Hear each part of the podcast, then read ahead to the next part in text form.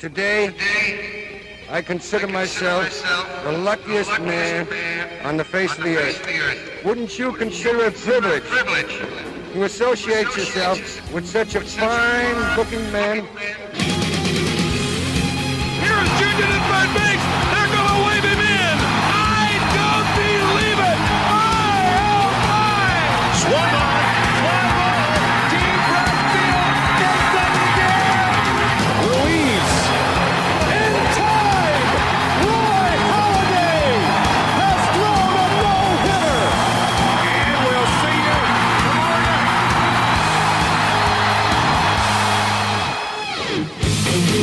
Hallo en welkom bij een nieuwe aflevering van de Just a Bit Outside podcast. De enige echte MLB podcast van Sport Amerika, waarin we weer al het wel en wee van de MLB gaan bespreken. Mijn naam is Justin Kevenaar, eindredacteur van Sport Amerika. En deze week hebben we vooral aandacht voor blessures, want daar helaas gebeurde er nog het een en ander op het blessurefront. En er waren ook fitties. Maar gelukkig zijn wij van de Just a Bit Outside podcast nog on speaking terms.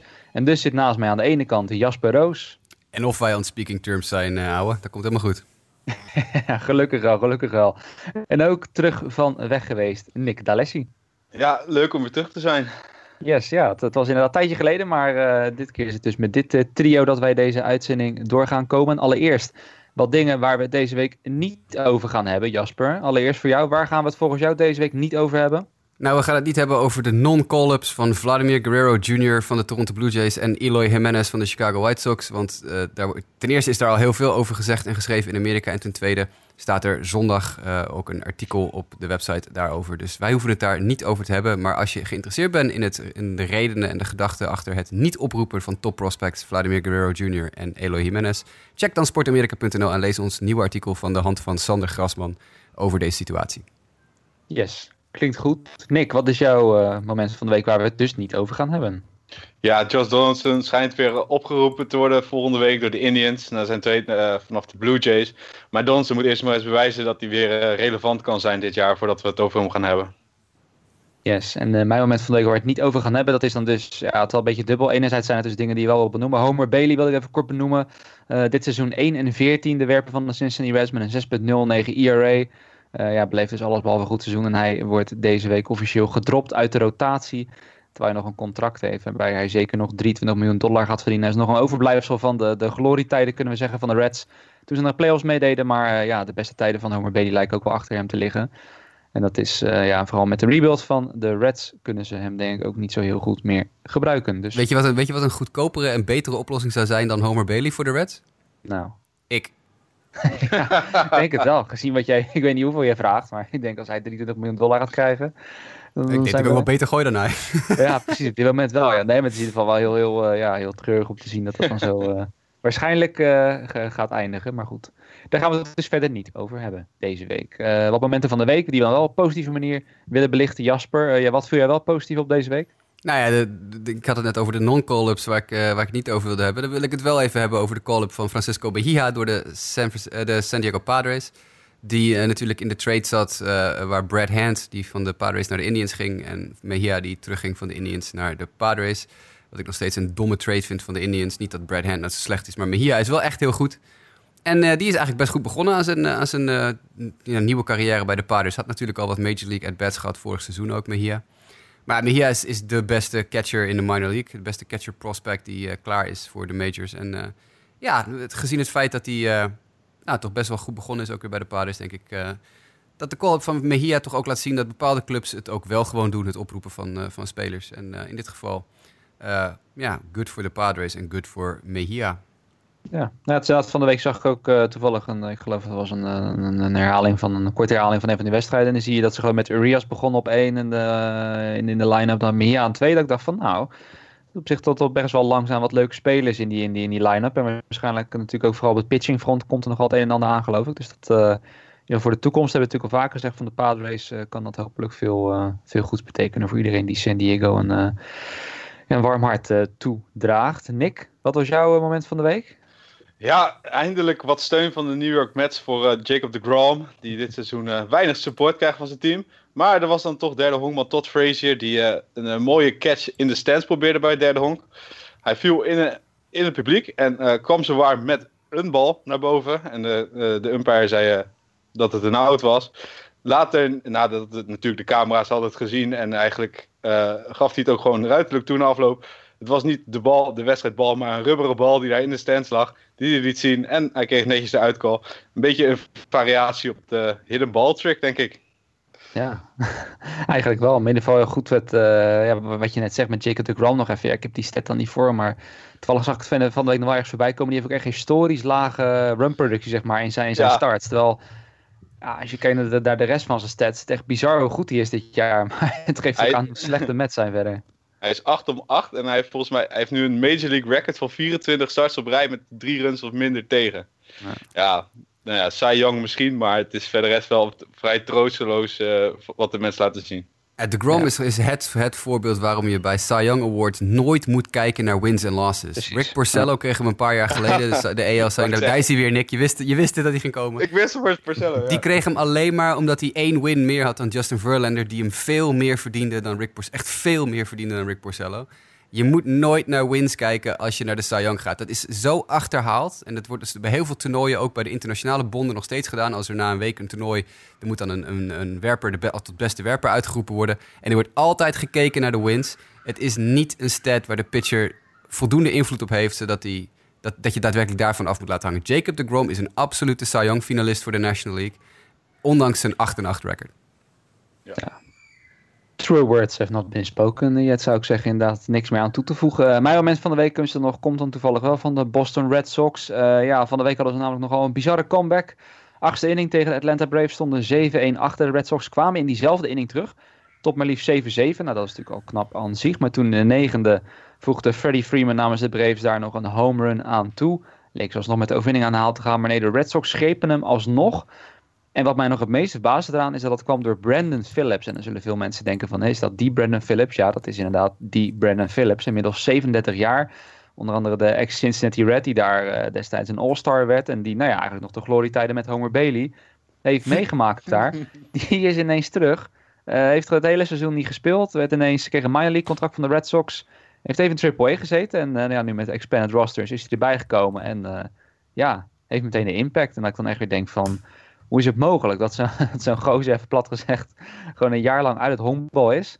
En natuurlijk, hij heeft het jaar lang op hoog niveau gespeeld, dus een beetje niet verleerd in één keer. Maar uh, ja, dat hij meteen zo belangrijk was, dat vond ik in ieder geval wel, uh, wel heel leuk om te zien in ieder geval.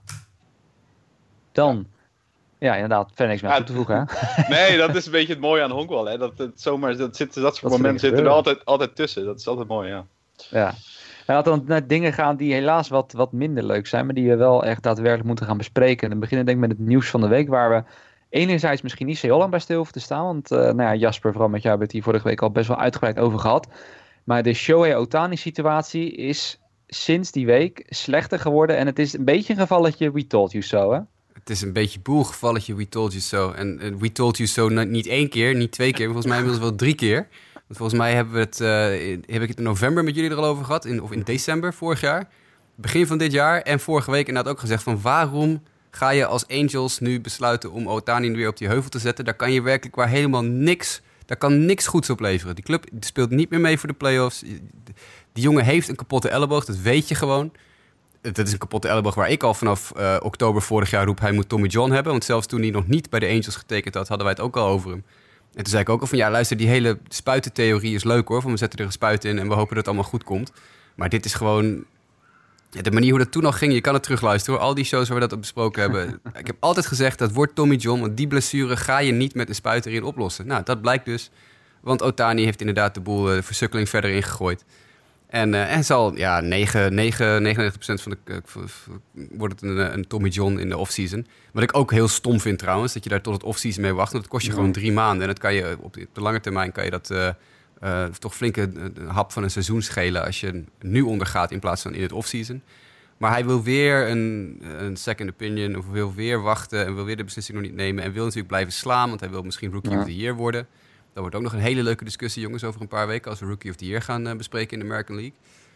Uh, want uh, Otani staat natuurlijk bovenaan heel veel lijstjes. Maar voor iemand die zo ontzettend veel aan de kant heeft gestaan voor wat hij zou moeten brengen, is het ook wel een beetje een interessante discussie. Maar ja, dit is het. Ja, ja, we told you so. Ja, again and again and again and again. En nu gaat het dus inderdaad gebeuren. Ja, en nu ook inderdaad met, met dat slaan. Want je zegt het net inderdaad, hè, ze gaan dan nu niet meteen al de keuze maken. Dat stellen ze dan weer drie maanden uit. Dat zal vanuit de Angels denk ik ook wel deels ook komen. Nou, ze totaal niet zelf inderdaad, juist zodat hij aan slag kan blijven staan. Maar dan weer kom je met het argument, ja, ze staan 19 games überhaupt van een playoff plek af, geloof ik. Of in ieder geval van de eerste plek in hun eigen divisie af. Uh, playoffs gaan ze never nooit meer halen. Wat, wat heeft dit voor zin? Ja, ik snap het wel dat ze toen in de hoop dat er weer een paar duizend extra uh, Japanse toeristen of Japanse Amerikanen naar het stadion komen. Die, die, de, die, die uh, Shohei Otani aan slag willen zien en mooie dingen willen doen. En het moet ook gezegd worden, van de week ook heeft hij alweer twee home runs geslagen in, in, korte tijd. Ik bedoel, hij laat dan ook hartstikke goede dingen zien, maar het is het niet waard om op korte termijn de gezondheid van de jongen, uh, nou ja, om zeg maar voor de lange termijn zijn de voordelen zoveel groter als je nu al gewoon meteen met het uh, herstel begint, et cetera, et cetera, dan dat je nu nog even drie maanden dan hè, eruit op per se aan slag en dan daarna kijkt van nou gaan we het dan wel doen. Dus stel het alleen maar uit voor redenen die mij echt, ja, naast dus misschien de kaartverkoop, echt totaal onbekend zijn. Ja, maar het wordt nog een heel interessante case study ook natuurlijk voor hem. Hè? Want ik bedoel, uh, het, is niet, het is niet nieuw dat, dat uh, position players, dus mm -hmm. slagmensen, een Tommy John moeten ondergaan. Ik bedoel, uh, alleen al uit mijn eigen directe omgeving en clubje en zo ken ik er al twee. Tyler Saladino heeft het ooit gehad. En afgelopen jaar Mike Rodolfo. Ja, Corey Seager natuurlijk dit jaar. Corey Seager dit jaar, ja, ook een hele goede inderdaad die, de herstelperiode van veldspelers is natuurlijk veel korter dan van pitchers bij Tommy John. Want ze hoeven veel minder, veel, veel minder vaak te gooien. Gooien vaak een stuk minder hard, of in ieder geval veel minder vaak zo hard. Uh, dus meestal als je een Tommy John ondergaat als een slagman of zo, ben je er met 6, 7, 8 maanden over het algemeen wel weer een beetje honkbal klaar. Terwijl we natuurlijk bij pitchers zien dat die er echt een jaar helemaal uit zijn. Dan nog drie maanden, twee of drie maanden rehab. Kijk maar naar Alex Reyes bijvoorbeeld. Die, uh, dat is een mooi voorbeeld. Vorig jaar maart tot maart dit jaar. En in mei of zo, wanneer was het Nick? Was hij, was hij weer terug? Half mei, eind mei? Ja, echt wel een tijdje in het seizoen al, ja. Precies, dus dan heb je na twee, drie maanden bovenop je jaar. Dus pitchers zijn er over het algemeen een jaar en een paar maanden uit met re rehabiliteren, revalideren en dat soort dingen. Terwijl slagmensen met een maand of zes, zeven, acht gewoon weer terug op het veld zijn en weer, weer gewoon mee kunnen ballen. Hij is natuurlijk de interessante speler, Otani, die, die allebei de kanten op kan. Die hybride speler, zowel werper als, als slagman. En dan roepen ze wel heel hard bij de Angels, ja, maar als we dat nu, nu gewoon doen, dan, over, uh, dan, dan, kan die volgend seizoen, kan die halverwege seizoen al gewoon meedoen met, de, met slaan. Ja, maar dan loop je dus wel in mijn optiek het risico dat hij nooit meer de pitcher wordt die die nu is. Nee. Omdat je, er is een heel duidelijke timeline gesteld voor pitchers. Je bent er gewoon een jaar helemaal uit en dan een paar maanden revalideren en dan pas kom je terug. Ik vraag me af in hoeverre dat een heel groot risico is dat ze nemen door te zeggen, nou over zes, zeven maanden kan hij weer als slagman terugkeren. Tuurlijk, hij, hij gooit niet, hè? hij speelt niet in het veld, hij slaat alleen. Maar toch, ik bedoel, ook een swing maken en die kracht zetten met je rechterarm als bovenste hand, weet je wel, die, die, uh, ja, die, die swing maken. Ik zou me daar niet heel op mijn gemak voelen als ik hem was. Terwijl de boel eigenlijk nog aan het helen is een beetje. En, en sterker moet worden voor het pitchen dat hij weer wil gaan doen. Ik vraag me af of dat wel een hele slimme beslissing is. Eigenlijk moet je gewoon die jongen zeggen, we, we gooien hem op het traject om weer pitcher te worden. En ik bedoel, iedere, iedere dag dat hij eerder kan, kan slaan is beter. Maar niet, uh, niet een half jaar van zijn revalidatietijd aftrekken, denk ik. Het is toch apart, hè? Want waar zou het nou door komen? Wil die jongen dan zelf geen Tommy John? Gelooft hij zelf heel erg in dat, in dat zo beter worden? Of zijn het echt de Angels die dat pushen? Want de Angels hebben eigenlijk schijnbaar echt weinig, uh, weinig redenen om, om het uit te stellen. Die zouden gewoon eigenlijk nu moeten doen. Is dat een jongen dan zelf die zegt, nou, ik, ja. ik wil dat niet, ik wil slaan, ik wil, ik wil blijven ik staan? Ik denk het wel, want je hebt het ook gezien vorig jaar oktober. Hè? Toen had hij nog nergens getekend. En toen was er ook al sprake van, hij heeft een elleboogprobleem. En toen heeft hij er zelf voor gekozen om die injecties te doen. En ja. om niet, niet een operatie en niet uitgebreide scans en dat soort dingen erop los te laten. Dus ik denk dat het inderdaad ook een beetje van hemzelf komt hoor. Dat, beetje, uh, beetje struisvogelpolitiek, zeg maar. Ja, ik denk het wel. Ik denk dat je daar wel een punt hebt. Maar ja. het, is, het is toch apart, want jij zegt dan, ja, hij, hij kan niet slaan volgend jaar, want dan ver, vertraag je het proces. Maar hij slaat nu op dit moment ook dus met, zijn, met een vrij uh, grote tear in, die UCL. Ja, maar dat maakt op zich niet heel veel uit slaan. Dat, het kan, je kan wel slaan. Ja, ik zou het liever niet doen. Maar je ziet het bijvoorbeeld die Mike Rodolfo die ik al eerder noemde. Die uh, ja. scheurde in spring training zijn UCL af. Uh, ja. En die heeft gewoon nog een half jaar lang in de minor league als uh, designated hitter geslagen. En op een gegeven moment zeiden de White Sox, oké, okay, nou, nu houden we ermee op. je, je hebt, ze, ze, willen die ontwikkeling van hem zeg maar niet stilleggen. Want natuurlijk iedere, iedere slagbeurt die je als slagman krijgt is ontwikkeling van je hè, als prospect. Dus ze hebben gezegd, nou, we laten je een paar maanden nog even een half seizoen draaien. Halverwege het seizoen, tijdens de minor league All-Star break, hebben ze gezegd, oké, okay, het is klaar nu. Je gaat nu je Tommy John krijgen. Want dan ben je namelijk ongeveer springtraining volgend jaar weer terug. En dat is die zes tot acht maanden waar ik het net over had. Vier, vijf, zes, zeven, acht maanden. Een beetje afhankelijk van hoe snel je heelt. Uh, maar op die manier kon hij natuurlijk, want hij pitcht niet. Hij kon wel verschrikkelijk hard uit het outfield gooien. Dat is waarschijnlijk ook hoe hij zijn UCL heeft uh, afgescheurd. Maar dit, ze hebben toen ook gezegd, we pakken nu nog even een, een paar maanden at-bats mee. En dan plannen het precies zo uit dat je die operatie ondergaat, zodat je spring training volgend jaar weer terug bent. En dat kan je bij, bij slagmensen en veldspelers doen. Slaan met een UCL-teer hoeft op zich geen pijn te doen. Ik zou het alleen persoonlijk zelf liever niet doen. Want iedere, je weet nooit wat er gebeurt als je uit je schoenen staat te swingen. Uh, en je knuppel blijft een keer ergens achterhaken of zo. En je scheurt hem nog verder af. Maar goed, dat is een keuze die, die je als club, als speler maakt. Dus als, als je dat denkt dat dat veilig kan, moet je dat gewoon doen. Maar ik vind het als pitcher een veel groter risico. En Otani is een fantastische slagman, maar is hij net zo gehyped en fantastisch als hij alleen een slagman is dan uh, wanneer hij zowel slaat als pitcht. Mm -hmm. Dat is natuurlijk niet het geval. Ja, nou, het is in ieder geval inderdaad, uh, nou, zoals het in zijn geval dat je tot zo ook heel erg treurig. En toen kregen we dus dit nieuws over Shohei Otani en een paar dagen later kregen we dan ook nog eens het volgende erbovenop. So unfortunately, I'm sitting here today to share some uh, disappointing news. Uh, Michael Kopech came in yesterday, or excuse me, reached out to us yesterday to uh, share the fact that he felt uh, a little bit discomfort, uh, a little trouble getting loose during his previous outing against Detroit. Uh, he actually didn't make too much of it and was talking about making his next start, and we recommended from a precautionary reason that he see our doctors today and uh, undergo a, a, an extensive examination. Unfortunately, that examination revealed a rather significant tear in his ulnar collateral ligament. Uh, the preliminary recommendation is for Michael to undergo Tommy John surgery. Uh, there will be a second opinion coming in the coming days, uh, so there, we're still going to hold out a little bit of hope uh, that perhaps uh, there's a different prognosis, but we are certainly preparing for him to uh, not only miss the remainder of the 2018 season, but also miss the 2019 season. Ja, Michael Kopek dus, Jasper. Um, we hadden toevallig toen in de, in de, in de app erover. En toen, uh, ja, jouw stemming was uh, op zijn zachtst gezegd, ja, negatiever kon het denk ik niet. Hè? Je zag het echt even niet meer zitten. En dat op zich ook wel begrijpelijk natuurlijk. Maar dit, dit kwam hard aan hè, bij de White Sox achterban. Ja, dit is een enorme, enorme, enorme dreun. Ja, dit, ik heb echt oprecht eventjes met mijn hoofd in mijn handen gezeten toen ik het las. Ik zat een filmpje te kijken op de bank en ik kreeg een, een, notification op mijn, op mijn telefoon hiervan. En ik, ik heb de film even op pauze gezet. En ik heb eventjes een paar minuten in stilte voor mij zitten staren. Want, en, en wat hele negatieve, verdrietige dingetjes getweet. Dank jullie allemaal voor de lieve reacties overigens. Mensen die daar nog eventjes een, een shout-out hebben gedaan op de Twitters. Ja, dit is voor mij, dit is einde honkbalseizoen voor mij. Ik denk niet dat ik dit seizoen nog een honkbalwedstrijd kijk. In ieder geval geen, uh, geen White Sox wedstrijd meer. Ik denk dat ik nu niet zo heel veel meer uh, heb om, uh, om enthousiast over te worden. Het, was, het begon zo leuk allemaal de week. Ik zei vorige week in de podcast, jullie moeten allemaal White Sox gaan kijken, want ze spelen veel beter dan je denkt. En de dag daarna leggen ze de Red Sox er even 6-0 op in een van de meest dominante honkbalwedstrijden die ik dit seizoen van de White Sox gezien heb. Dus ik denk, nou, dit, ik heb in ieder geval weer geen onzin zitten verkondigen vorige week. Maar ja, toen begon het al een beetje weer wisselvalliger te worden deze week. En aan het eind van de week blijkt dan dat Kopex zijn UCL gescheurd heeft.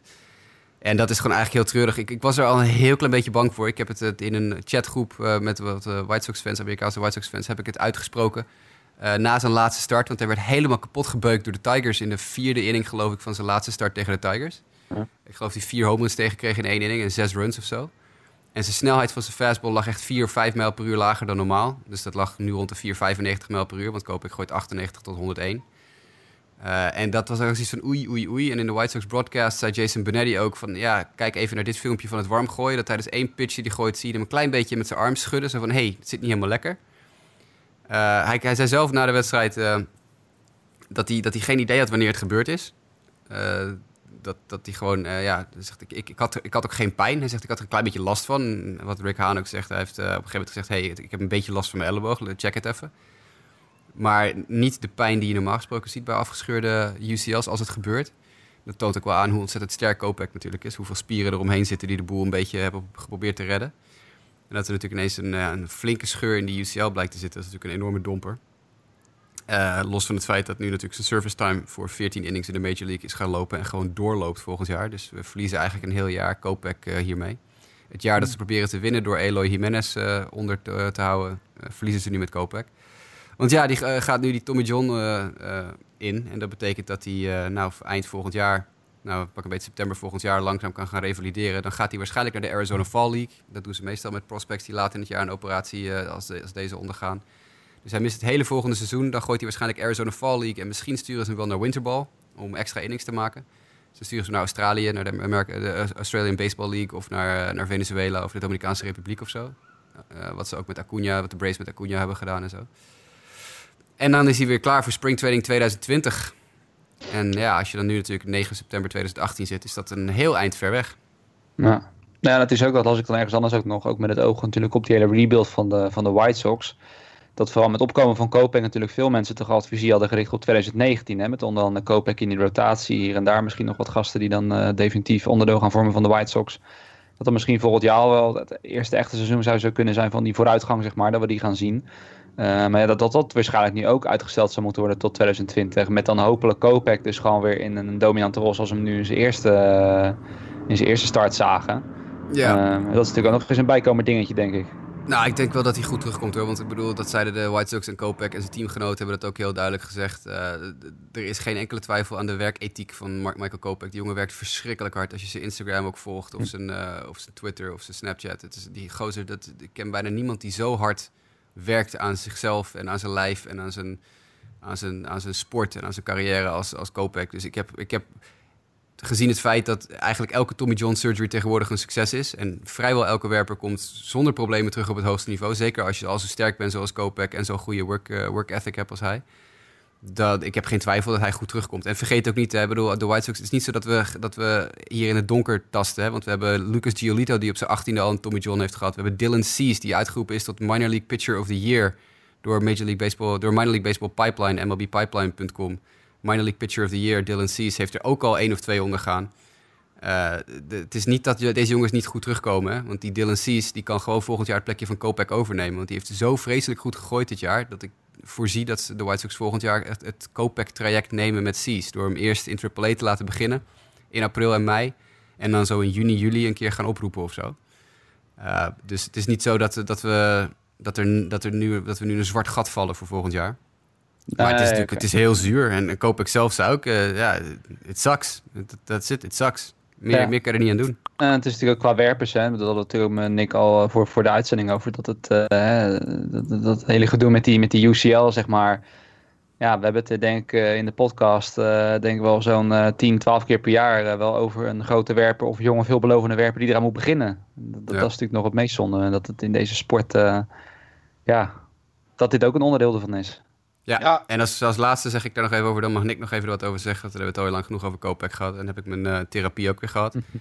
Uh, is dat uh, de, de Red Sox en Cubs fans die op Twitter een feestje gaven omdat Kopek geblesseerd zijn, jullie mogen voor mij letterlijk van de brug vallen. Allemaal. Dat meen ik serieus. Dan laten de Red Sox fans en de Cubs fans zich natuurlijk weer van hun aller, aller, aller slechtste kant zien. Ja. Want dat is, ja, dan ben je gewoon de Cubs natuurlijk vanwege de rivaliteit en de Red Sox omdat ze alleen maar roepen dat de, de, de Kopek komt natuurlijk bij de Red Sox vandaan uit de Chris Sale trade. Uh, als je dat doet, dan ben je echt een, uh, minder, dan, minder dan een mens voor mij. Dat is het laatste wat ik erover zeg. Mooi gezegd. Nick, had jij er wat aan toe te voegen? Nou ja, we hadden een discussie in de appgroep. En daarin zei dan niet deze Jasper, maar andere Jasper van... Nou, wat, wat moeten we hier nou aan doen? Hè? Want het is nu... Jasper Roos kwam dan met een stadje, stadje van... nou, de helft van de top 50 aan pitchers is dit jaar ten onder gaan aan een grote blessure. Groot deel daarvan natuurlijk de UCL wat kan je nou aan doen? Want eh, je ziet, je ziet natuurlijk wel een stijging, maar dat komt natuurlijk uh, voor een deel ook wel omdat we steeds harder gaan gooien, steeds harder gaan slaan, steeds fanatieker worden. Hè? Want een 100 mijl puur fastball is tegenwoordig niet meer uh, bijzonder. Ga, gaan we nou, wat moeten we hier nou aan doen? Michael Kopek is natuurlijk niet de enige je ziet dat aan Syndergaard, die gooit ook heel hard. Dat, die heeft ook allerlei probleempjes. Hoe gaan we dat nou terugdenken? Hij kwam dan met de suggestie van, nou, laten we 5 mijl per uur eraf halen. Maar ja, daar zitten de toeschouwers ook niet op te, zitten de toeschouwers ook niet op te wachten. Dus dat gaat ook niet werken. Nou, misschien het inkorten van het seizoen, is dat dan, is dat dan een optie? Ja. Nee, ik weet het niet. Het, het, is denk ik een beetje, toevallig zit ik nu weer de, de, hierover hebben, ook een beetje aan de NFL te denken, bijvoorbeeld, Amerika voetbal, wat, uh, wat, wat vandaag ook weer begint daar is nu geloof ik ook al een paar jaar toch een beetje in discussie gaande dat het aantal ACL-tears zeg maar, steeds maar lijkt toe te nemen per jaar. Ook al uh, tijdens training en dergelijke. Mm -hmm. uh, ja, wat dan misschien ook vaak gewoon een gevolg is dat er gewoon steeds meer wordt gevraagd van spelers. Hè. Het, het, het, spel wordt steeds fysieker, steeds sneller, steeds grotere uh, monsters, zeg maar even plat gezegd, die het spel gaan spelen. Alleen ja, die, die, die, die, die spieren die, die, die trekken dat dan gewoon af en toe niet. En ik denk dat hier ook gewoon het geval is. Gewoon het geval, ja, het, het is topsport en er wordt steeds meer gevraagd, steeds meer gevraagd. En die lat wordt steeds iets, uh, iets hoger gelegd. Maar ja, het menselijk lichaam is af en toe maar tot, uh, tot een bepaalde hoogte kan, zich, uh, kan die zich daaraan aanpassen. Ja. En dat is jammer voor de fans. Het levert aan de ene kant spektakel op natuurlijk. En dat willen fans zien. Ja, dit is dan de, de keerzijde van de medaille, denk ik. Het seizoen inkorten gaat niet zo heel veel zin hebben. Want er is eh, onderzoek gedaan ook een paar jaar geleden. Volgens mij in Jeff Passon's boek The Arm. Daar zegt hij het ook. Van, er is ook geen, het is geen moment dat, dat bijvoorbeeld dat, dat alle Tommy John, alle UCL-tears zich later in het seizoen plaatsvinden. Het, het, is volkomen uh, irrelevant welk moment in het jaar het is. Er zijn jongens die scheuren hem in springtraining af. Er zijn jongens na, na een paar maanden rust. Dus kijk naar Brent Honeywell dit jaar van de Tampa Bay Rays. Uh, er zijn jongens die scheuren hem zoals Kopeck in september af. Er zijn jongens die hem in april. Maar het, het, het, is, er is, er is qua, qua verkorten van het seizoen heeft er niet dat, dat, er zit niet zoveel zin in. Ja, je moet dit gewoon in gaan bouwen. We hadden het er met, met de appgroep van de week ook over. Het, het is nog niet zo dat het... Ja, het, het, zijn er meer, maar het is, het is percentueel gezien... of als je kijkt naar de ontwikkeling van de sport... is het niet eens zo heel veel meer. Want ja, als je kijkt hoeveel mijl per uur jongens tegenwoordig harder gooien... dan 20, 30 jaar geleden dan is het niet zo gek dat dat soort blessures ook steeds meer komen. We zagen dat een paar jaar geleden met de oblique strain. Dat er ineens een epidemie aan oblique strains was in, uh, in de MLB. En dat is toen heel erg teruggeleid naar het feit dat er werd en met zwaardere knuppels geslagen. Omdat spelers steeds sterker waren, konden ze dus zwaardere knuppels vasthouden. Omdat ze steeds meer gespierd en, uh, en, en, en gefitness waren. En gingen ze steeds harder swingen. Nou, die, die drie combinaties, zwaardere knuppel, harder swingen, sterkere jongens uh, zorg ervoor dat er zoveel krachten op die, bijvoorbeeld op die oblique komt te staan. Hè, de, spier die in je zij zit, onder in je zij. Dus als je een flinke swing maakt, een draai met je bovenlijf. Als je dat stomzinnig hard en heel explosief doet, ja, dan zegt die oblique ook pang of, uh, of iets dergelijks. En die zegt zoiets van, nee, dit, dit kan gewoon niet.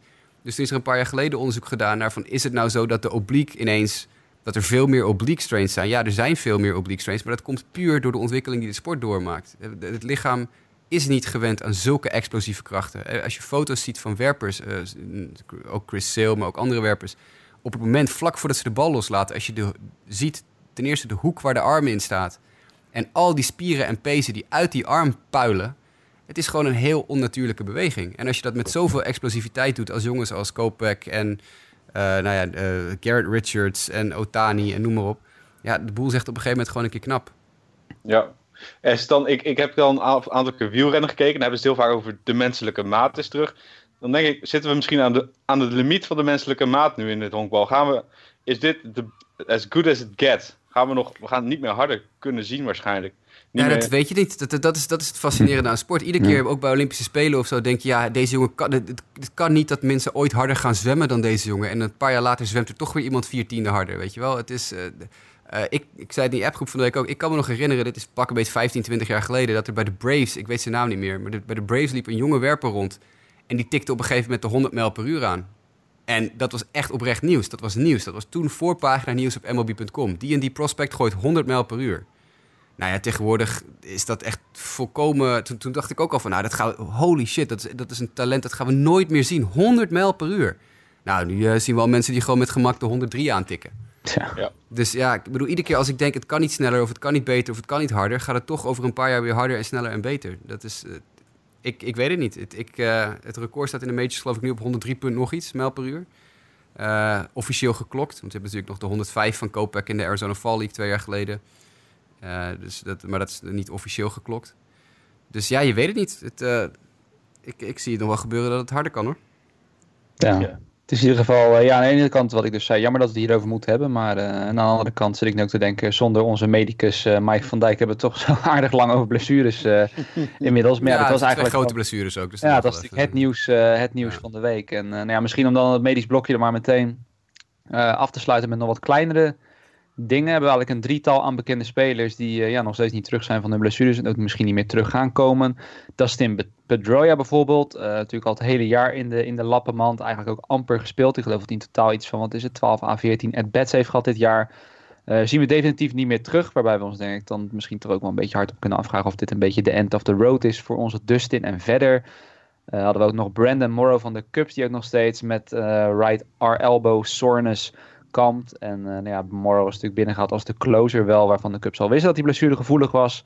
Dat blijkt nu ook. En is de vraag hoe de Cubs dat op gaan lossen als die definitief niet meer terugkomen. En Roldis Chapman en zijn knieproblemen zijn natuurlijk ook nog steeds actueel. Want daar is ook maar de vraag of hij nog terug gaat komen. En dan vraag ik misschien maar even aan uh, Nick allereerst. Welke van deze drie blessures heeft, denk jij, het meeste impact op deze drie, ja, waarschijnlijk playoff teams? Mm, dan, dan ga ik voor Brandon Morrow. Ehm, maar meer omdat die andere twee, denk ik, eh, ja, makkelijk worden opgevangen. Dus een Pedroia besteedt natuurlijk al een tijdje niks meer. Die is al zijn power kwijtgeraakt. Die had eigenlijk zijn meeste waarde in het zijn van de kapitein daar. Maar daar hebben de nieuwe sterren het ook een beetje overgenomen. Met Mookie Betts en JD Martinez en Chris Hill. Rolls Chapman heeft, is een deel van een ster bullpen. Eh, we kennen daar allemaal meerdere namen. Terwijl je de meeste bullpens blij bent als je er twee kent. En Brandon Morrow was wel echt uh, de closer voor de, voor de Cubs. En die zullen toch wat moeilijker de brugjes gaan bouwen nu, denk ik, naar de, naar de closer toe. Want de, de Edwards zal daar in gaan stappen, denk ik. Ja, Chapman, ja. Chapman, dat, dat wordt toch wat makkelijker op te vangen dan Morrow, denk ik. Ja. Denk jij dat ook, Jasper? Ja, ik denk het wel. Ik, uh, ik, maar sowieso, kijk, in, in de tijd waar je, waar je, waar je boepens, uh, waar boepens zo propvol met talent zitten, uh, is het natuurlijk wel heel fijn om een gast als Morrow of Chapman erbij te hebben. Maar het is niet zo dat, dat er niemand is die ze kan vervangen. Misschien niet 100% zo goed als zij zijn, maar met 90% kom je ook heel ver.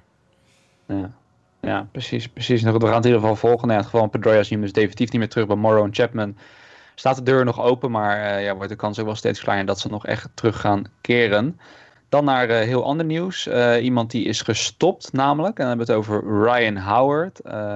Bekend van de, van de Phillies. Jasper, nee, je had het al in de, in de appgroep toen erbij gezet. Misschien leuk om wat, ja, om te zeggen wat voor herinneringen we dan hebben. Want Ryan Howard, hij speelde voor het laatst geloof ik in 2016 echt. Hij was officieel dus nog niet gestopt. Nu wel. We zien hem dus definitief niet meer terug. ja, waar, waar denk jij aan als je terugdenkt aan Ryan Howard? Die toch best wel een nou ja, meer dan productieve carrière heeft gehad, kunnen we wel stellen. Ja, ik denk aan twee dingen als ik aan Ryan Howard denk. En één positief en een negatief ding. Het positieve, ja, linkshandige slagmensen hebben altijd hele mooie swings. En dat vind ik ook van Ryan Howard. Ik vind dat hij altijd een heel mooie, agressieve, soepele swing heeft gehad. Uh, en dus ik denk ook heel vaak aan die absolute bommen van home runs die hij in zijn eerste paar jaar uh, sloeg. Dat is, ja, vind ik gewoon, ja, lefty sluggers vind ik altijd mooi om naar te kijken. en ik denk altijd aan het moment dat hij zijn Achillespees afscheurt in het veld. Terwijl hij, ik geloof, hij of naar het honk rent of dat hij een play maakt op één, dat weet ik niet meer. En dat is, weet ik hoeveel jaar geleden. En toen dacht ik al van, oh oh, dit kan het wel eens een keer zijn voor Ryan Howard. En dat bleek het ook te zijn, want hij is daarna nooit meer echt op zijn oude niveau teruggekomen. Mm. en dat was eigenlijk voor het eerst dat ik iemand tijdens een honkbalwedstrijd zijn Achillespees zag afscheuren. En nou ja, dat, ik heb gezien wat dat met je carrière kan doen.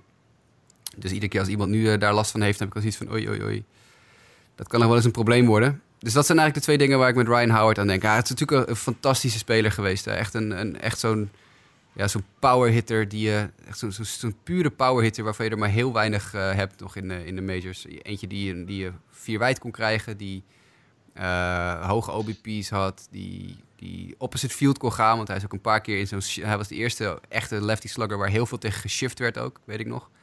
En hij, hij kon altijd hartstikke goed tegen die shift inslaan. Dus uh, ja, nee. Dat was een mooie, is, is een hoogtijdagen een fantastische speler. Maar wel inderdaad einde verhaal nu. Ja. Wat, uh, wat zijn jouw herinneringen aan uh, Ryan Howard, Nick? Ja, herinneringen. Um, het is natuurlijk een beetje. Dat, dat, zijn hoogtepunt kwam een beetje voor mijn tijd. Toen ik wel er wat op nazocht, dacht ik één ding. Hij was zijn tijd een beetje vooruit. Hij, hij zette allerlei records neer voor strikeouts en voor home runs. Dus hij had eigenlijk uh, in hedendaagse tijd zijn hoogtepunt moeten beleven. Hij lijkt mij een beetje, ja, het is dan geen Joey Gallo, hè, die dan echt alleen maar strikeout of home run. Maar toch, uh, ruim 1 op de 4 van zijn hits zijn home runs. En hij heeft uh, bijna alle strikeout records van de Phillies staan op zijn naam. Single season ja. strikeouts, single season strikeouts, golden sombreros bij een Philly. Most strikeouts in de World Series, gewoon hè, 13 strikeouts in de World Series, lekker. Ja, het is toch, dan, dat dacht ik aan bij Ryan Howard, maar ik had hem graag uh, zien spelen, want ik zie, het is toch wel indrukwekkend. Nou ja, ja, het is, ja. ja. ik heb inderdaad wel een beetje hetzelfde. Dan moet ik zeggen, toen ik het intensief ben gaan volgen, dat waren net een beetje de laatste gloriejaren van de Phillies uh, destijds, uh, zeg maar. Dat was inderdaad een beetje die periode, ironisch genoeg ook. Toen Ryan Howard carrière uiteindelijk door die Achilles-blessure eigenlijk uh, bergafwaarts ging. Dat was 2011, dat was ook een geweldig regular season. Uh, is uiteindelijk uh, ook met, met Roy Halladay natuurlijk nog in die ploeg destijds. En sowieso in de jaren daarvoor ook. Chase Utley. Nou ja, uh, al, die, al die jongens natuurlijk. Die destijds verantwoordelijk waren voor het succes van de Phillies. Maar ja, ook als je kijkt naar 2006. NL MVP geworden met 58 home runs en 149 RBI's. Gewoon, ik lees ik even goed. Kijk dat hij vier jaar achter elkaar had. Hij bijna 140 RBI's en 40 plus home runs bedoel, dat was, hij, hij was echt de, katalysator van die, van die Phillies ploeg van destijds. En nou, toen ik het intensief ben gaan volgen, waren een beetje de laatste twee jaren. dat zowel hij als, als, als de Phillies echt uh, nou ja, misschien de meest competitieve ploeg waren in de National League. Maar ja, als je ze al met al kijkt, een, een geweldige carrière gehad. Alleen ja, na die blessure inderdaad waren ze een beetje tot elkaar veroordeeld. Uh, ondanks dat Howard het nodig had betekend voor de Phillies, zat hij wel met een dik contract vast aan de Phillies. Ik zie dat hij geloof ik nog de laatste drie jaar heeft hij 25 miljoen dollar daar, uh, daar verdiend. als gevolg van zijn contract. Terwijl de Phillies eigenlijk ja, niet echt meer behoefte aan hem hadden, zeg maar. Waren toen natuurlijk al met de rebuild begonnen. Maar ja, aan de andere kant ook wel weer mooi. Vind ik dan ook wel weer dat hij toch al zijn 13 jaar bij dezelfde ploeg heeft gezeten. En ik denk dat hij ook met name in Philadelphia toch voor, al die succesjaren waar hij onderdeel van is geweest, dat hij dat hij zeker niet meer stuk kan daar. Dus ik denk dat ons redactielid Jimmy Driessen met veel weemoed zal terugkijken naar, hij is Phillies fan, met veel weemoed zal terugkijken naar Ryan Howard's tijdperk in Philadelphia. Dan manager nieuws. Want ja, het begint langzaam weer een beetje te beginnen. Het einde van het seizoen komt eraan, waar andere teams bezig zijn met de playoffs en zich richten op postseason. Zijn andere teams alweer langzaam aan het kijken naar volgend jaar. Want uh, heel veel teams is het niet zo gelopen allicht zoals ze hadden gewild. En dat betekent dat er ook weer wat wisselingen van de wacht gaan plaatsvinden. En de eerste is eigenlijk van de week al doorgecijpeld Jasper. En dat is eigenlijk geen verrassende naam, toch? Nee, John Gibbons van de Blue Jays. Wij hadden het, uh, volgens mij had Mike hem aan het begin van het seizoen uh, uh, op de shortlist gezet van managers die wel eens een keer een problematisch jaar tegemoet zouden kunnen gaan. Vorig jaar hadden we het natuurlijk ook al over hem. Aan het begin van het jaar hebben we ook al gezegd van nou, dat make or break jaar voor, voor John Gibbons. Nou, dat werd het uiteindelijk niet. Maar nu is hij wel inderdaad zo goed als zeker exit bij de Toronto Blue Jays. Want het schijnt dat die wel besloten hebben eind van dit jaar een nieuwe manager te gaan zoeken. Ja, en dat vind ik denk ik ergens ook niet zo heel erg gek. Ik bedoel, nee. het, het, is, het is ook een beetje het geval van, ja, ze hebben de goede tijd daar beleefd. Daar mensen de playoffs gehaald. Ze hebben de goede jaren beleefd, de minder goede jaren. En nu is het denk ik een beetje dat een, ja, zoals dat zeggen, het gaat een beetje als een nachtkaars uit. Ja. Dat denk ik dat het van beide kanten het is niet, niet Het is niet uh, helemaal zijn schuld hè, natuurlijk. Het is nee, gewoon een waardeloos team. Maar... Er staat niks meer op het veld. Marcus Stroman ook echt een jaar... Het is, het is, ja, die, die hoogtijdagen met Donaldson en Encarnacion en Tulowitzki. Het is... Als je nu ook kijkt wat er op het veld staat. Misschien dat uh, Vlet junior kunnen, kunnen redden. Ja. Maar, maar ja goed, daar mogen we het niet over hebben van Jasper. Nee, dus, nee daar mogen we het niet over hebben. Dan. Nee, maar het is wel, ja, het, het, is wel waar. Het is dan een beetje een gevalletje misschien dat hij, dat hij de scapegoat is natuurlijk voor het management daar, voor het team wat er nu, uh, wat er nu staat. Maar goed, aan de andere kant, als ze dan toch willen beginnen aan rebuild, snap ik het wel dat ze dat met een, ja, uh, wordt geloof ik ook genoemd in dat bericht, dat ze met een wat jongere manager, uh, misschien een beetje de kant waar de Phillies bijvoorbeeld op zijn gegaan met Kate Kepler, dat ze misschien die route een beetje op willen gaan. Of natuurlijk genoeg andere voorbeelden. Cora bij de Red Sox, AJ Hinch bij de Astros. dat is gewoon een jonge, jonge frisse, honkbal-minded persoon voor de groep willen zetten. En ja, benieuwd waar dat, dan, waar dat dan heen gaat. Er waren verder ook nog wat andere kleine dingetjes dan. Uh, Dave Martinez hebben natuurlijk ook wel de nodige kritiek op gehad. Maar Mike Rizzo, de GM van de Nets, die gaf van de week al aan dat Martinez sowieso het vertrouwen blijft krijgen van de Nets. En dat hij ook komend seizoen gewoon aan het roer zal gaan staan. Kun je altijd afvragen hoeveel zijn dat soort dingen waard. Want we zien het in heel veel sporten. Hè, daar wordt het vertrouwen uitgesproken. En twee maanden later kan het ineens voorbij zijn. Het blijft natuurlijk een heel, heel moeilijk seizoen voor Martinez. Maar aan de andere kant snap ik ook wel dat hij een ja, dat ze hem niet na één jaar al wegdoen. Want dan zouden ze zichzelf ook alweer een beetje belachelijk maken natuurlijk. Dan de Reds natuurlijk met, uh, ik geloof met jouw grote vriend Jasper uh, Dave Riggleman. Daar is over gesproken dat die toch wel in de running, of Jim Riggleman beter gezegd, dat die best wel eens in de running zou kunnen zijn om een definitief manager te worden. Uh, het front office schijnt wat meer jongere manager te willen hebben, maar de eigenaar die schijnt wel heel erg gecharmeerd te zijn van de old school style van Jim Riggleman. Um, ja, ik weet dan niet goed wat ik daarvan moet denken. En tot slot Andy Green bij de San Diego Padres. En dat was nog wel een leuk verhaal, Jasper. Daar, daar wees jij ons op. Want jij bent hier een beetje de Fortniter van ons drieën, geloof ik. Ja, ja, zeker. Dan zullen mensen denken, het gaat van Andy Green en zijn positie naar Fortnite. Maar wat heeft dat met elkaar te maken? Ja, Fortnite, hè, de, de, de videogame waar iedereen het over heeft. En die uh, door honderdduizenden miljoenen mensen gespeeld wordt in de wereld. En die 350 miljoen dollar per maand oplevert voor dat bedrijf dat het, uh, dat het in elkaar zet. Uh, dat, dat stream je ook wel eens. We hebben het er met Jake Burger wel eens over gehad. Hè, die met een aantal minor leaguers zo nu en dan een stream opzet. Dus dan spelen ze met z'n vier een, een, computerspelletje voor de mensen die niet zo into die wereld zijn. En dat wordt dan live uitgezonden op een, uh, een online kanaal. Dat kan YouTube zijn of dat kan Twitch zijn of iets dergelijks. En dat doen echt heel veel topsporters en zangers en rappers en noem maar op. Nou, zo ook uh, bij de San Diego Padres blijkbaar. Waar ook een, een Fortnite clubje is en daar behoort Will Myers dan weer bij. Dus die was bezig om een potje Fortnite te spelen met onder andere uh, Carlos Asuaje, die uh, in AAA El Paso zit op dit moment. En uh, terwijl dat die zit te spelen, Myers en, en had Asuahe de boel op een stream gezet. Dus die was het live aan het uitzenden op internet. En natuurlijk, zoals het altijd gaat, als topsporters of zangers of rappers of, of beroemde mensen dat doen, dan kijken daar best wel veel mensen naar. Dan heb je het over toch een paar duizend kijkers. En terwijl ze zitten te spelen, zegt Myers, en ik citeer hier eventjes... Uh, the Padres are doing cutoff and relays tomorrow at 3 o'clock in September, dude. Oh my god, it's so miserable. It's insane. Andy could not be any worse than he is right now. En Andy is natuurlijk Andy Green, de manager van de Padres. Uh, op dat moment uh, springt Aswahe meteen in gesprek en zegt... Dude, dude, dude, I'm streaming this. Oftewel, iedereen heeft dit nu net gehoord. En het wordt natuurlijk opgenomen door iemand of teruggekeken. Dat is terug, dat is terug te kijken en terug te luisteren. Dus deze quote is, is heel snel bij de, bij de club terechtgekomen ook. Uh, natuurlijk is het wel, heeft hij wel een punt. Want wat moet je nou ja. in september als je vijfde in de divisie staat en werkelijk waar nergens heen gaat, waarom zou je dan in hemelsnaam nog relay oefeningen gaan doen op drie uur s middags in september? Dat staat natuurlijk ook helemaal nergens op. Maar natuurlijk vooral de opmerking: uh, It's miserable and Andy could not be any worse than he is right now. Dat zijn toch wel stevige, stevige ja, uh, tikjes die Myers daar uit, uitdeelt. Myers heeft uh, uh, meteen zijn excuses aangeboden. Hij zegt, I love Andy, I love playing for him. He's a guy that has taught me a lot in the game. At times you get into a mood where you get frustrated. The reality is, I'm incredibly sorry, obviously, to Andy, to my teammates, to the fans. This is a distraction ja. I caused that we don't need. Dus ja. hij, hij, heeft meteen zijn excuses aangeboden, maar het was wel even heel grappig. Maar zo zie je dat wel vaker, dat, dat mensen daarop terug... Hij meende dat natuurlijk op dat moment wel. Dat is gewoon zijn persoonlijke Tuurlijk. mening erover. Zou, dat doet me een beetje denken aan die trailer van die uh, Fox Sports documentaire over, uh, over die keeper in het amateurvoetbal. Wat een kutkeeper, wat een kutkeeper, wat een kutkeeper. ja, dat die ook op Twitter zegt, ja, dat meende ik helemaal niet zo. Tuurlijk, en dan komen mensen hun echte gedachten eigenlijk bloot te liggen. Ja. En ja, het is ook helemaal niet zo erg. Ik bedoel... En ik, hij, en ik zal ook wel achter zijn oor krabben en denk van, ja, wat heb ik er eigenlijk weer gepland voor morgen? Het staat heb ik eigenlijk helemaal nergens op, joh. Ik denk niet dat Wilmeijers dit heel erg uh, last van gaat krijgen verder. Ik denk het ook niet hoor, nee. Maar ik vond het wel even een grappig verhaal. Altijd leuk als, als mensen niet doorhebben dat ze op stream zijn. Dat, uh... ja. Nou ja, en het is toch wel interessant. Want ik moet zeggen, toen ik een beetje over andere managers zat na te denken van die, die mogelijk zich zorgen moeten maken, dat, dat ik toch wel Andy Green er wel bijgezet. Want ja, feit blijft toch natuurlijk eigenlijk sinds zijn aanstelling zijn de Padres al bezig met een rebuild. En eigenlijk sinds hij daar zit is de vooruitgang uh, nihil. Nou komt natuurlijk het, het, het, echte grote talent moet er nog aankomen. Ja, dan kan je misschien wel zeggen dat ook Andy Green ziet wel uh, iets warm begint te worden. En als dit natuurlijk toch wel een oprechte mening is van Will Myers en die zo overkomt, kan je er ook een beetje afvragen hoe zijn positie binnen die groep, uh, hoe hij erop staat, zeg maar. Maar goed, het is... Vra vraag je dan, toen jij daarover zat na te denken, stond Bruce Bochy ook op jouw lijstje van hot seat?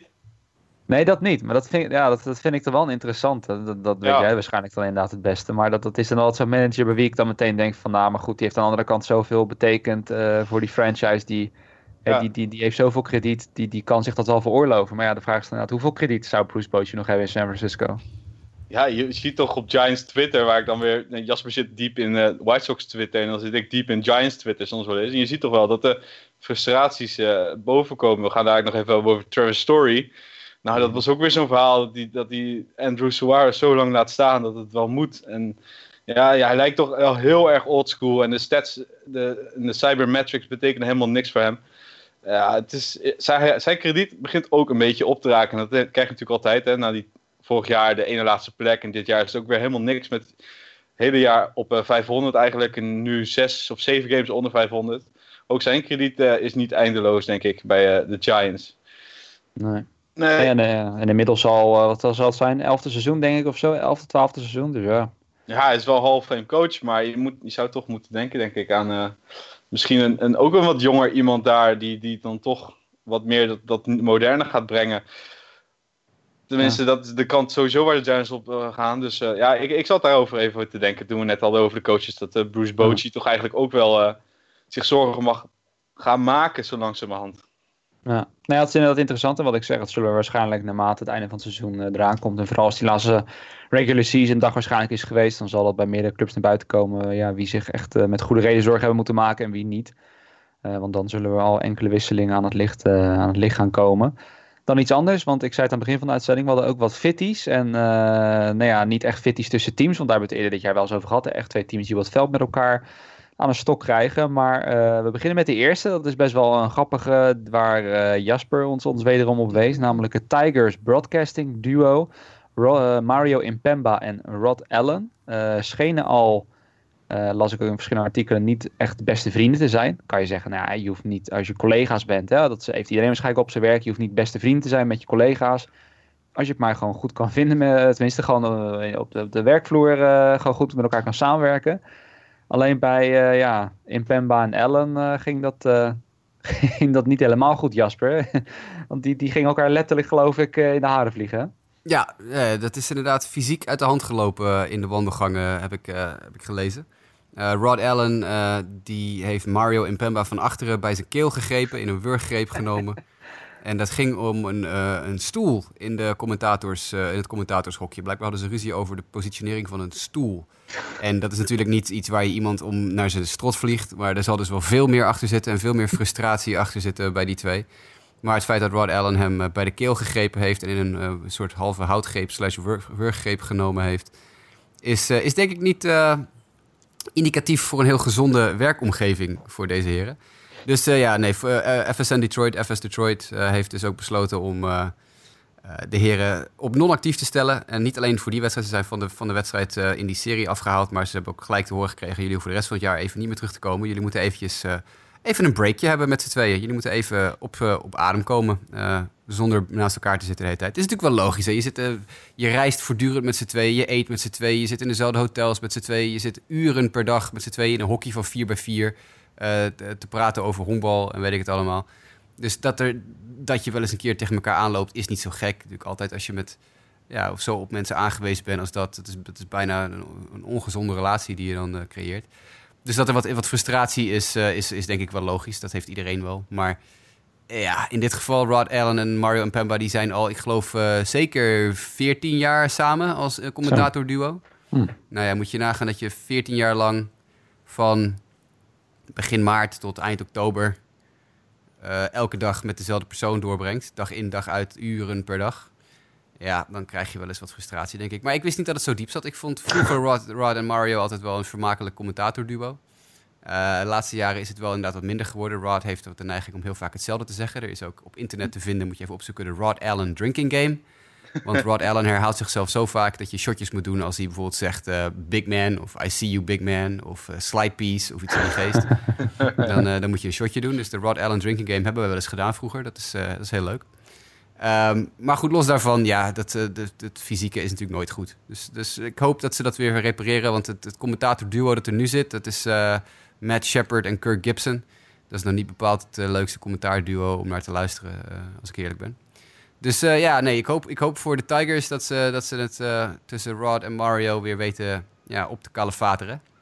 Want anders hebben ze toch denk ik wel een klein beetje een probleem. Nou, al las ik dan wel van de week, als ik het goed begreep, dat hun contracten ook wel aflopend zijn. Dan weet ik niet, waarschijnlijk lopen die om het jaar of zo af, dat het elk jaar weer wordt, wordt herbekeken. Maar dan zou het misschien wel kunnen zijn dat FS Detroit, zoals het dan heet, eh, misschien toch op zoek zal gaan naar een, een, een compleet nieuw duo. Maar denk inderdaad vaak, dat heb ik ook wel vaak voor de mensen die het langer volgen. Toevallig hadden we van de week wel een discussie erover. Mijn favoriete duo is inderdaad niet. Ik weet het niet. Het is dan denk ik meer een beetje een gevoelsdingetje of zo. Dat ik, uh, ja, ik weet niet. Ik heb er gewoon niet zoveel mee. Het, het, het, raakt nooit echt de juiste snaar bij mij, om het zo maar te zeggen. Toen zei jij inderdaad, Jasper, van nou ja, ik vind het best wel, eh, best wel meevallen. Nick, ik weet, niet, ik weet niet of jij uh, toevallig vaak het duo hebt gehoord. Nick, ik weet niet wat jouw mening erover is, over de kwaliteit van hun commentaar. Bij de Tigers, ik, ik heb wel eens van de Tigers heb ik boven vaak, uh, bovengemiddeld vaak gekeken, omdat een vriend van mij is een fan van de Tigers. Ik was nooit echt fan van de Tigers, ik vond toch wat te weinig vuur in zitten en te weinig kleurcommentaar. De, de, anekdotes waren altijd een beetje ja, boring, als ik dat mag zeggen. Ik was ook niet zo heel groot fan van de Tigers hoor. Dat, dat, eh, fan, maar goed, um, ja, als je dan van die rookies krijgt, dat is toch altijd weer wennen hoor. Als, als ik wel eens, ik heb Jeremy Effeld doet nou commentaar bij de Giants. Als je dat dan hoort, dan moet je toch wennen. Je hebt, je hebt gewoon in je hoofd, een team heeft een commentaarploeg en die hoor je altijd. En als het dan anders is, dan is het gelijk bij mij, ja, verandering is dan waarschijnlijk, dat is een beetje mens eigen. Dat is dan nooit leuk. Nou, ik ben wel bereid om nieuwe mensen kans te geven daar uh, eigenlijk. Want ik vond dat ze niet fantastisch. Nee. Zijn er oud-spelers van de Tigers van recente jaren die je daar neer zou zetten? Als je even uit je hoofd, dat is iets wat me nu net te binnen schiet. Want je ziet heel vaak hè, dat er oud-spelers natuurlijk... Mm. één oud-speler wordt in de boot gezet. Rod Allen, ook een oud-speler. Die wordt naast een professionele commentator gezet. Mario Pemba, nooit gespeeld. Maar wel een, echt een professionele opgeleide commentator. En je ziet het bij eh, de Royals hebben er hebben een ex-speler zitten naast, uh, naast de hoofdcommentator. De Orioles hebben Jim Palmer, dat is een ex-speler. Die zit naast, eh, naast Gary Thorne. Mets hebben het natuurlijk gedaan. De Mets hebben het gedaan met Ron Darling en Keith Hernandez. Eh, je hebt eh, eh, Ja. bij de Angels zit er één, eh, Ray Fossey bij de Athletics. Dus er wordt heel vaak wordt een één oud speler naast een, een professionele commentator gezet. Steve Stone en Jason Benetti bij de White Sox. Eh, wie zouden jullie als een recente oud ex-Tiger daar neerzetten? Die, die, eh, die manager. Van, die net ontslagen is, hoe heet die? Die oud-catcher. Ja, eh Bert Asmus. Ja, als dat zou kunnen. Maar ja, dat kan natuurlijk niet, want die heeft nog gewoon een carrière voor de boeg daar. Maar oud-spelers werkt altijd wel. Ik bedoel, ja, Jeremy Effeld niet, maar Kruk en Keep, die zitten daar bij de Giants ook. Dat zijn ook oud-spelers. Ja. dat werkt natuurlijk fantastisch. Dan krijg je die mooie, mooie anecdotes van eh, Ja, uit de jaren. Dat is, dat is natuurlijk wat je wil. En daarom zit waarschijnlijk ook die, die, die space neer. Maar ja, de ene heeft het wel gevoel, de andere niet. Moet je altijd een beetje, een beetje testen. Kijk, ik eh, zie Miggy Er zijn- er zijn Cabrera laatste- niet... eh, ja, sorry? Nee, nee, ik wil zeggen, er zijn de laatste jaren niet echt veel high-profile Tiger-spelers geweest die met pensioen zijn gegaan, die, die je daar ook Nee, neer zou kunnen zetten. hè. En Maglio. Ordonez, die heeft een hele nieuwe carrière opgebouwd in Venezuela als politicus. Dus die ga je daar ook niet even neerzetten. Ik denk het niet, nee. En, en eh, nou, Prince Fielder misschien. Die is, ges- die is gestopt en heel populair in, eh, in Detroit nog Dat, steeds. dat, dat zou inderdaad wel een uh, leuk Die doet helemaal niks. Dus misschien dat die... eh, ik weet niet of die leuk op camera is. Ze hebben natuurlijk eh, bij de Tigers... Craig Monroe doet de pregame show. Dat is ook een ex-Tigers outfielder. Die doet al jaren daar de pregame show. Dat doet hij ook best goed. Maar dat is niet echt een commentator. Maar je zou kunnen zeggen, we, we leiden hem op om, om het color commentary te gaan doen. Ehm, maar toch, voor voor de rest zijn er niet echt heel veel oud-Tigers-spelers die mij te binnen schieten als... hey, die moet je daar echt gaan neerzetten, want die zijn leuk en grappig en... eh, die hebben het talent ook wel, of de persoonlijkheid. Zoals vorige week, ja, heel veel mensen eh, hebben een pesthekel aan maar vorige week deed AJ Przinsky een, een wedstrijd bij de White Sox. Nou, dat is echt een natuurtalent. Die doet natuurlijk ook heel veel voor Fox Sports al, hè, Ja, voor de nationale broadcast daar tijdens de World Series en zo. Ook Dus toen hij die al is wel gewend. trouwens, was hij al vaak uh, wel Ja, storen. precies. Dus hij, hij is het wel gewend. Maar dat is dus iemand die ik wel in een booth zou willen zien. Maar dan natuurlijk niet bij de Tigers, want dat, dat gaat niet goed. maar, Ah, Hij snelt eruit jagen, ja. ja, precies. Ja. Maar ik heb geen enkele Tiger in mijn, in mijn hoofd zitten. Bij Pudge Rodriguez misschien? ja. Ja, ja. Kan. Ja, als, je, als je die af en toe tekeer ziet gaan op de, op de tribune, dan, eh, ja. Ja. dan, dan denk ik, die heeft de passie wel. Maar of die dan, ja... Het Engels, ik heb hem wel een interview gehoord over zijn zoon dan bij de Giants, eh, over, over Derek. Zijn Engels, ja, daar moet hij dan nog even aan werken. Ja, precies. Ja. Nou, dat Ja, is natuurlijk vaak nog een beetje. Ja, maar het is in ieder geval inter- interessant en sowieso ook. En daar kunnen we misschien een beter een andere keer eh, ver- verder over hebben. Maar dat we toen ook een beetje over commentaarduo's hadden die we echt niet uit konden staan. Zodat ik zelf, eh, de Royals vooral. Oh, die zijn zo Waar- slecht. Ja, waar ik, ik vind vooral, toevallig heb ik hier dan een lijst voor me van awfulannouncing.com. Daar kunnen mensen elk jaar dan stemmen op de MLB-duo's. dat is een eh, Ja. site aan, eh, daar staan ze nog best wel in de middenmoot. Maar ik vind de Royals inderdaad echt vooral die analisten. Het is, tuurlijk, de- de- die commentatoren zijn ja. uiteindelijk voor de, voor de thuisploeg. Hè. Je bent partijdig, maar ach, die man is het zo, zo walgelijk. Ja, hetzelfde heb ik een beetje met de jongens van de Angels. Eh Brad Die staan dus heel hoog hier. Voor afgelopen Ja, jaar zijn ze achtste geworden in niveau. Zo slecht, jongen. Echt zo, zo dodelijk saai. Hoewel ze die ene gozer erbij gevoegd hebben, de laatste paar jaar geleden, die is wel oké. Eh, maar die, die was het, ik was naam vergeten, maar die is echt slecht. Eh, de, de Padres vond ik vroeger altijd heel slecht, maar die hebben de laatste paar jaar een paar keer een hele goede move gemaakt. Met een paar nieuwe gezichten. En natuurlijk eh, Don Orsillo van de Red Sox Ja, die hebben is eh, dat echt vind een ik fantastische stem. commentator. Ja. fantastische commentator is dat. Stom, stom, stom van de Red Sox dat ze, die, dat ze hem hebben laten gaan, zeg. Jeetje. Wie zijn er nog meer goed? Nou ja, Mets die- vind die- ik altijd heel erg goed. Mets vind ik heel goed, vind ik misschien wel de beste. Dat vinden heel veel mensen ook een goede. Nou, vind ik echt een van de beste. Eh, ik, ik vond de Yankees altijd wel aardig, maar die, die zijn de laatste anderhalf jaar echt helemaal de klus kwijt. Dat, dat, dat- die, die lopen allemaal onzin te verkondigen in een broadcast. Dat hou je niet voor mogelijk. Eh, allemaal namen door elkaar te halen en zo. Dat is ook niet echt heel goed. Ehm, de- iedereen is altijd heel erg blij met de Twins. Met Burt Blyleven natuurlijk en, en zijn partner. Maar ik vind Blyleven wel leuk, maar ik vind die andere gast echt verschrikkelijk. Dus dat houdt ook een beetje op. Ik vind Fassi van de Athletics heel goed. Ik vind Ja. Giants zelf ook leuk. Giants altijd goed. Radio ook. Radio is fantastisch bij de Giants. John- John Miller echt, En, eh, eh, en die andere kerel ook. We zijn naam even kwijt. Maar die andere Dave Fleming? Dave Fleming, ja. Die is ook echt fantastisch. Ja, ja, ja. Dus dat is, die hebben echt mazzel. Hier moet je echt die handjes knijpen met, eh, met die vier. Ja, ik ben heel blij. Ja, dat klopt. Ja, er zijn, er zijn nog wel meer goeie hoor. Er zijn echt wel, echt wel een paar goeie bij. Ik, ik vind de Indians jongens, het varieert heel erg. Ene keer vind ik ze leuk, andere keer vind ik ze echt verschrikkelijk. Ik vind Gary Thorne en Jim Palmer van de Orioles heel goed. Echt ja, heel, fijn geluid ook, moet ik Ja, zeggen. echt. Ja. En zo, zo weten zo vreselijk veel. Dat is echt, eh, echt fantastisch. Eh, de Rockies jongens vind ik wel aardig om naar te luisteren. De Pirates vind ik altijd een beetje bagger. Dat eh, vind ik heel saai. Ja. Eh, Past een beetje nou, ik kan het totaal niet met de Cubs, jongens. Ik vind Len Casper is, is een van de meest professionele announcers die er is. Maar ik kan er niet naar luisteren, naar die stem. Ik vind het zo'n vervelende stem om naar te luisteren. Ik kan er helemaal niks mee. Heeft niks met de Cubs te maken verder. Nee, nee, echt niet. Nee, oprecht niet. Want eh, ze hebben ook wel eens eh, Bob Melvin nog gedaan gehad. Of, of Bob Brandley, geloof ik. Nou, die, dat kon ik dan altijd wel hachelen. Maar ik, ik vind die stem van die Len Casper, vind ik, kan ik echt niks mee. Oh, eh eh, Brenneman van de Reds vind ik heel goed. Nou ja, goed. Oké, dat eh, kunnen we eindeloos doen. Ja. Maar eh, ja, er zijn, wel, er zijn wel leuke duo's bij. Ja, een paar die ik dan nog zou willen zeggen. Ook de Rangers en de Cardinals bijvoorbeeld. Daar ben ik dan ook geen fan van als ik er nog twee mag, Nee. eh, twee mag noemen. Nee. Die vind ik ook niet echt. En toevallig zit nog hier te kijken in die lijst van Alpha Announcers die ik net noemde. Dan gaan we door. Eh, de laatste plek stond er toen nog. En dat was nog onder het oude Ja. broadcasting duo van de White Sox natuurlijk. Yep. Ah, ja. Ja, dat, dat, wordt wel beter. Eh, ding. ik, trouwens, eh, over de Cardinals gesproken. Ik vind het radioduo wel oké. Dat zit die hele oude kerel, wiens naam ik even vergeten ben, en John Rooney. En John Rooney is echt een van de beste radio-announcers die er is. Oh, en die eh, radio-announcer van de Diamondbacks vind ik ook echt fantastisch. Ik ben ook zijn naam even vergeten. Dat weten alle mensen dus weer als ze een broadcast willen zien welke duo's ze wel ja, eh, moeten gaan aanzetten op een MLB-feed. Het is allemaal heel subjectief natuurlijk, maar oké. Precies, precies. Dat blijft ook inderdaad. Maar goed, dan nog een tweede fitty. Daar zullen we het dan iets kort over hebben. Dat was bij de Seattle Mariners. We hebben het natuurlijk al eh, vorige week trouwens nog over gehad. We hadden het natuurlijk over die divisieraces, de Mariners. Het, het loopt allemaal niet zo lekker. Eh, de achterstand op de Athletics die blijft een beetje in stand. Neem niet weg dat ze nog wel tegen onder andere de Yankees en Athletics gaan spelen de komende weken. Dus ze kunnen het verschil nog goed maken. Maar in de kleedkamer leidt dat tot een wat aparte situatie. Namelijk die Gordon die aan alle aanwezige verslaggevers vroeg van... eh, jongens, willen jullie even het clubhuis uitgaan? Het even, eh, we willen het even wel bespreken. En eh, even later eh, werd die bespreking vervolgens een, een, mini-brawl. Waarbij spelers, als je de berichten mag geloven, zelfs door de deuren heen eh, gingen, zeg maar. Waardoor meteen alle aanwezige reporters konden zien van, oh, dus dit is waar die bespreking over ging. Was in eerste instantie onduidelijk om wie het ging, behalve dat men die Gordon zogeheten eh, zo, allemaal scheldwoorden, zal maar in het Nederlands zeggen, scheldwoorden hoorde uitspreken. Uh, waar Gene Segura waarschijnlijk ook bij lag. Uh, er waren allemaal gasten als Robert Cano die mensen uit elkaar wilden halen. Het was een, uh, een klein zootje. manager Scott Service was er zelf niet bij. En die gooide het op. Nou ja, dit gebeurt wel eens. Het is heel het jaar. het zijn allemaal, maar even mooie straattaal wordt gelijk. Het zijn allemaal strijders. Hè? dus dan, dan wil dat wel eens gebeuren.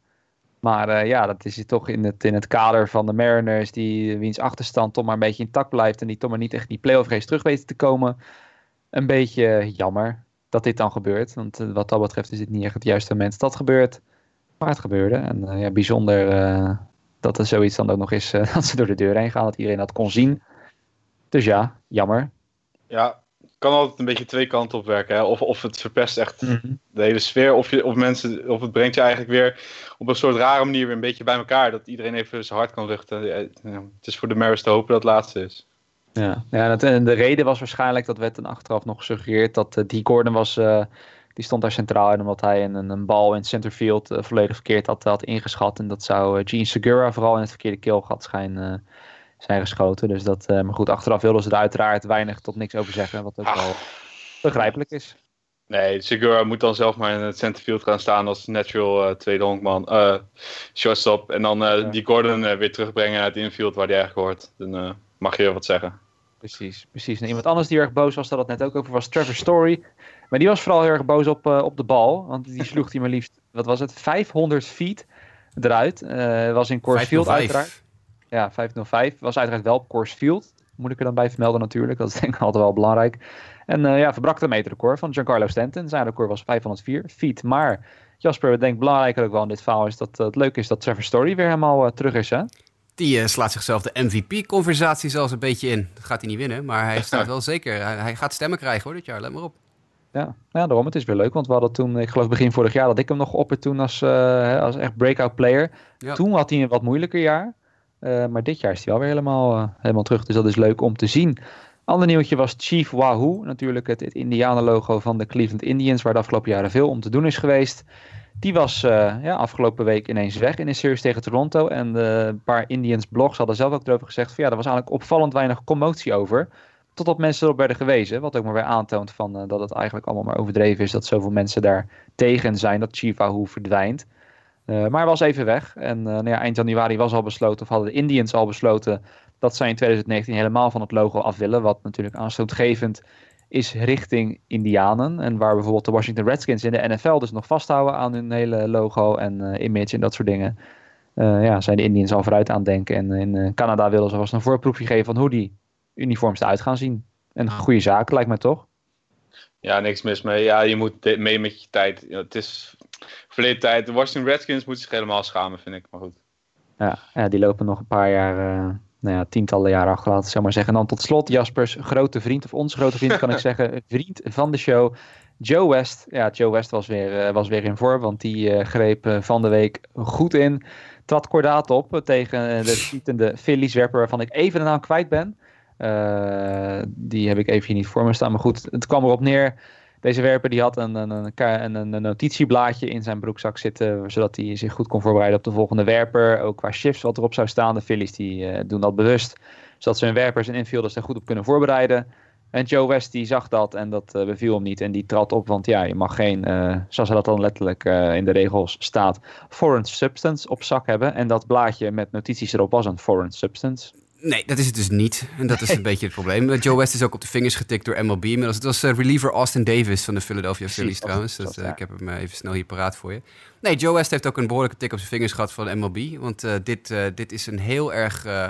dit is weer typisch Joe West. Ik heb zo'n zo'n grafhekel aan die man. Echt, ik ik, oh, mijn hemel. Echt, ik begrijp er niks van. En ik ben niet eens de ergste. Je moet voor de gein eens op, op zaterdag of zondag uh, hebben ze op uh, eh, 670 The Score in Chicago. Barry Rosner, die Hit and Run. Dat is een, honkbal, een puur honkbalprogramma van een paar uur. De podcasts zijn op internet te vinden.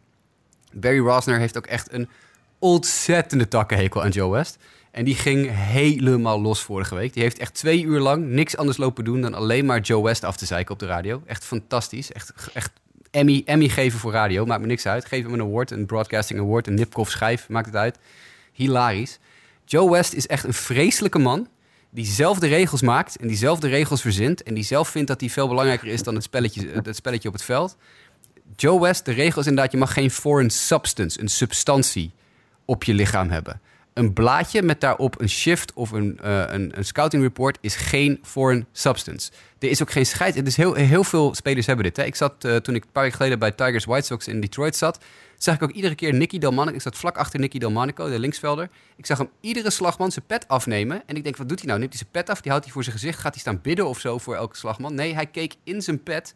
Want er zat in de voorkant van zijn pet, dus achter het logo zeg maar, zat een blaadje geplakt met daarop voor elke slagman waar die moest gaan staan. Waar, waar de, de field positioning moest zijn.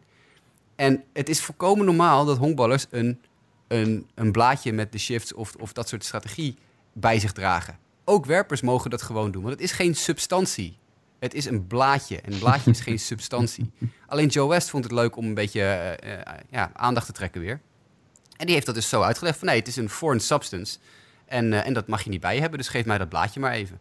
Nou, MLB heeft gelukkig vrij snel opgetreden en gezegd... Joe, doe even normaal. want dit mag namelijk gewoon wel. Maar ja, Joe is dan weer zo'n eikel dat hij zegt van... ja, nee, je moet, dat moet dan beter gespecificeerd worden in de regels. Dus dat gaat MLB nu doen. Juist om dat soort idioten als Joe West een beetje onder de duim te kunnen houden. Jongens, de dag dat uh. Angel, Angel Hernandez, Joe West en CB Buckner met pensioen gaan, geef ik een feestje. En iedere luisteraar die wil komen, krijgt van mij een biertje. Geen, geen, geen grapje. Ja, Cowboy Joe houdt de MLB veilig sinds, eh, wat is het inmiddels, 1976 zullen we 1921, ja. ja verschrikkelijk is die man je krijgt ze er gewoon niet uit door die vakbond van de, van de, die aan me achteren blijven staan. Ze hebben een eigen vakbond. Ja, en ik, precies. En, en ik zie ook wel dat Joe West ook best wel, uh, ik zie dan even zijn Wikipedia pagina voor me gehaald. Hij is ook president van de World Umpires Association. Uh, dat, is natuurlijk best wel een machtige persoon, denk ik, binnen die hele umpire-organisatie, umpire-kliek, of hoe ik dat ook moet zien. Dus ja, die, die ja, ga je maar ook alleen maar omdat hij er al zo lang zit. Wil gaan. Ja, het is alleen maar puur senioriteit, alleen omdat hij er zo lang zit. Ik, iedere keer denk ik ook, dan zie je die, nieuwe talentvolle minor league umpires. Uh, eind van het seizoen wordt er altijd een uh, soortje minor league umpires opgeroepen. die dan hun eerste soort stage mogen gaan lopen in de majors. Of van die rookie umpires die aan het begin van het seizoen definitief overgeheveld worden. En ik heb altijd zo ontzettend veel. niet alleen medelijden met die jonge gasten die bij, bij Joe West en bij Buckner en bij Hernandez in de crew gezet worden. Uh, vroeger ook Phil Cuzzy, wat ook echt een verschrikkelijk slechte umpire was. Maar ik, ik vraag me ook altijd af, van, wordt hier nu niet gewoon weer een nieuwe Joe West gecreëerd? Zien die jongens niet wat West doet? Zijn ze Ah, dan niet onder de indruk van wat hij doet? En denken ze, oh, dus zo moet je zijn als umpire op het hoogste niveau. En dat we, dan dus, dat we dus over een paar jaar tien Joe Wests hebben rondlopen. Alleen Nou. dan 30 jaar jonger. Ik ben er zo bang voor. Nou ja, ik denk dat, dat als ze een beetje op social media kijken, of weet ik veel, ja, of de MLB een beetje, die, die zal toch wel tegen de jongens zeggen, hey, eh, we kunnen niet van Joe het. West af, want eh, Ik hoop het. die zit er al zo lang en we kunnen niet van hem af, want dan krijg je die vakbond en krijg je weer strikes. Echt. Ik denk dat ze allemaal wel een beetje, want ik bedoel, je kan er niet omheen, dat je, je kan er niet omheen. Als je voor de lol is intypt op, op Twitter van Joe West, en dan krijg je nou, je wil niet Ja. weten wat je dan allemaal te zien krijgt. O- ook van, van echte, van, een- van grote namen. Keith Love Ja. van E ESPN heeft ook echt een grafhekel aan, ES, aan, eh, aan Joe West. Ja, het is een verschrikkelijke umpire. Maar die andere twee die jij noemde ook hoor, dat is echt... MLB het bed, ik zie af en toe, dan, dan heb je zo'n wedstrijd dat je... Hé, Ja. hoe, wordt het, hoe wordt het nou gekald? Ik ga er eens even kijken. Ja, homeplate umpire en dan zie je ze weer staan hoor. Echt. Het gevreesde trio. Overigens, Sirona wel misschien voor eh, muziekliefhebbers van country muziek. Ik zie dat Joe West ook ooit twee Ja. country albums heeft uitgebracht. Ja, ik weet ja, niet of hij daar dan wel beter in is, maar... eh, Nee, ja. Nee, Nee. het, kon je niet echt, het, kon, het kon je niet echt bekoren. nee, nee. Het is niet echt mijn ding.